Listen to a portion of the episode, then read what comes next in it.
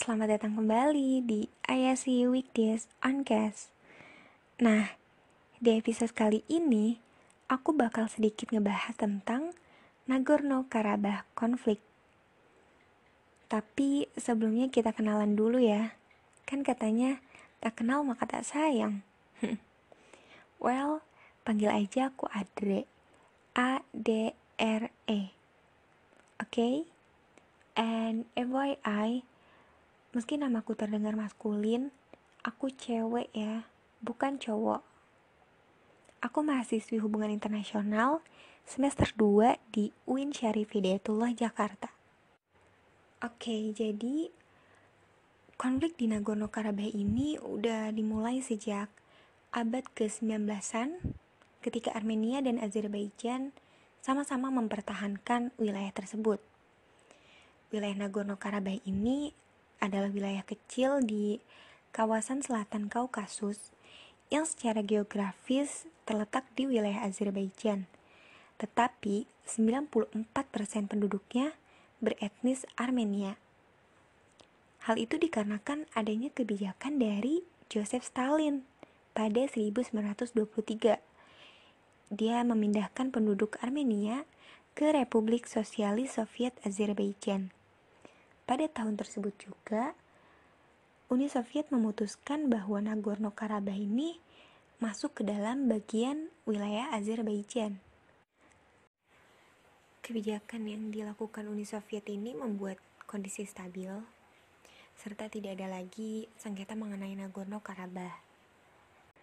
Namun, pada tahun 1985, ketika Mikhail Gorbachev menjadi presiden Uni Soviet, ia memberikan kebijakan berupa kebebasan pada masing-masing wilayah Uni Soviet untuk menentukan masa depannya sendiri.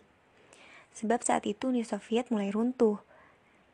Nah, hal itu memicu kembali sengketa Nagorno-Karabakh. Karena Nagorno-Karabakh ini memilih bergabung ke Armenia. Padahal dia masih termasuk di wilayah Azerbaijan.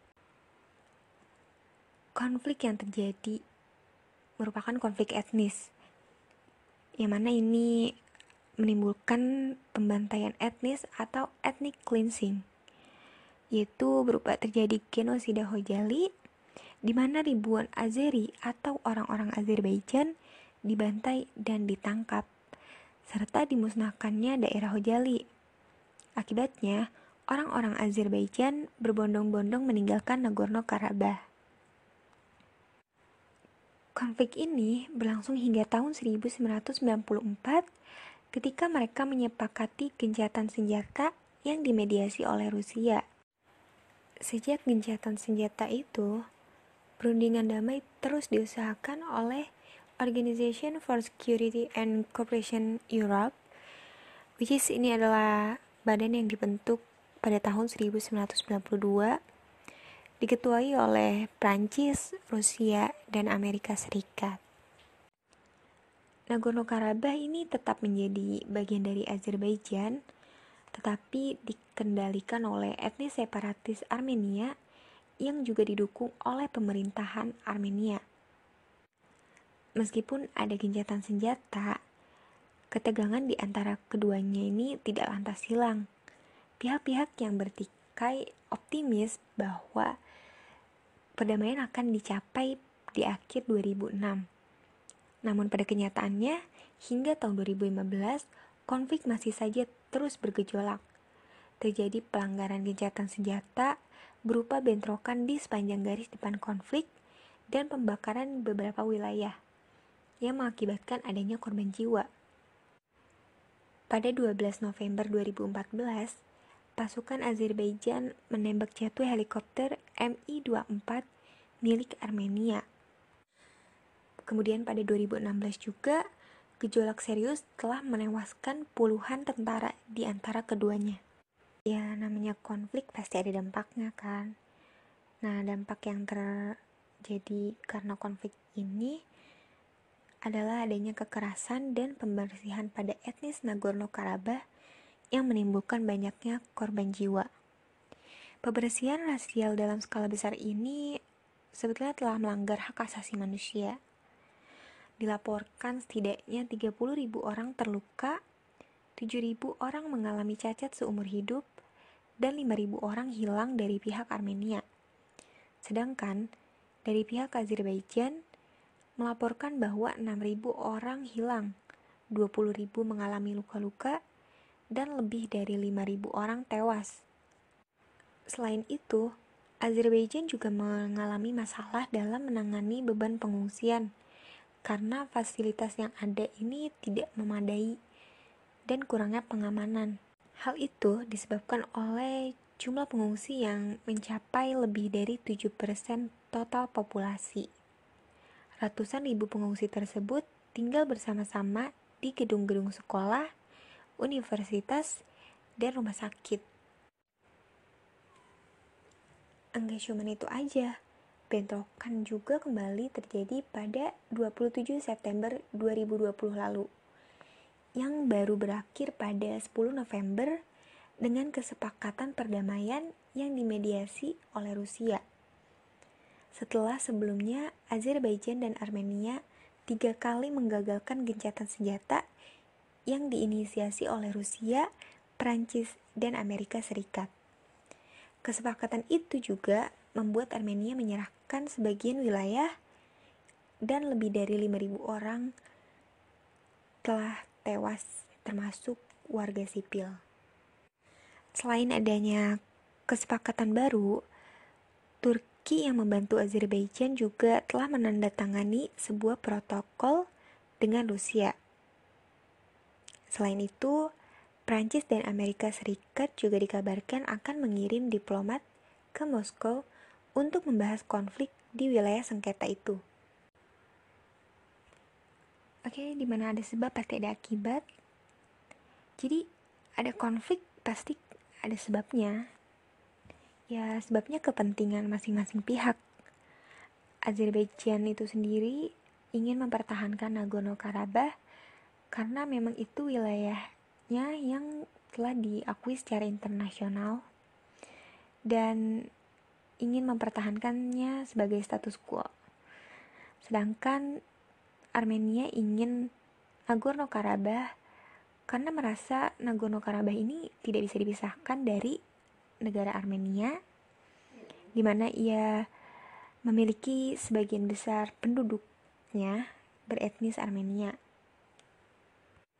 Tapi nggak cuma itu aja, karena Nagorno-Karabakh ini punya potensi yang luar biasa. Wilayah ini punya potensi energi fosil atau minyak bumi dan gas alam yang wow. Di sana ada pipa BTC, Baku Tbilisi Ceyhan yang melintas via Erzurum untuk menyalurkan energi fosil tersebut antara Laut Kaspia dan Laut Mediteran. Tak mengherankan kalau konflik ini juga melibatkan kekuatan besar seperti Rusia, Turki, Iran. Secara umum, Rusia menerapkan kebijakan dua jalur. Ia menjadi mediator utama dalam negosiasi untuk menyelesaikan konflik Nagorno-Karabakh ini. Tetapi di sisi lain juga ia terikat dengan aliansi militer Collective Security Treaty Organization dengan Armenia dan Rusia juga memiliki pangkalan militer di Armenia sehingga Armenia ini emang mengandalkan dukungan dari Rusia dan jaminan militernya. Kemudian Turki. Turki itu sendiri memberi dukungan kepada Azerbaijan Turki ingin menjadi negara yang berpengaruh di kawasan Kaukasus. Turki secara rutin mengeluarkan pernyataan-pernyataan keras untuk mendukung ambisi Azerbaijan merebut kembali Nagorno-Karabakh. Turki sama Armenia ini bisa dibilang gak akur karena Armenia memiliki dendam kepada Turki yang mana selama Perang Dunia Pertama Turki membantai sekitar 1,5 juta orang Armenia di bawah Kesultanan Ottoman. Jadi emang ada national interest atau kepentingan nasional yang dimiliki oleh Azerbaijan, Armenia, begitu juga negara-negara yang membantu dan mendukung seperti Rusia, Turki. Mereka semua punya kepentingan nasionalnya sendiri lah buat ikut dalam konflik ini. Mereka punya alasan tersendiri. Ya kalau secara realisme sih kayak gitu. Ada udang di balik batu gitu pihak-pihak yang membantu punya niat dan maksud tersendiri. And don't forget bahwa civis pacem parabellum. If you want peace, prepare for war. Oke. Okay. Kayaknya cukup sampai di sini dulu untuk episode kali ini. Jangan lupa dengerin episode sebelumnya ya. Dan nantikan episode selanjutnya.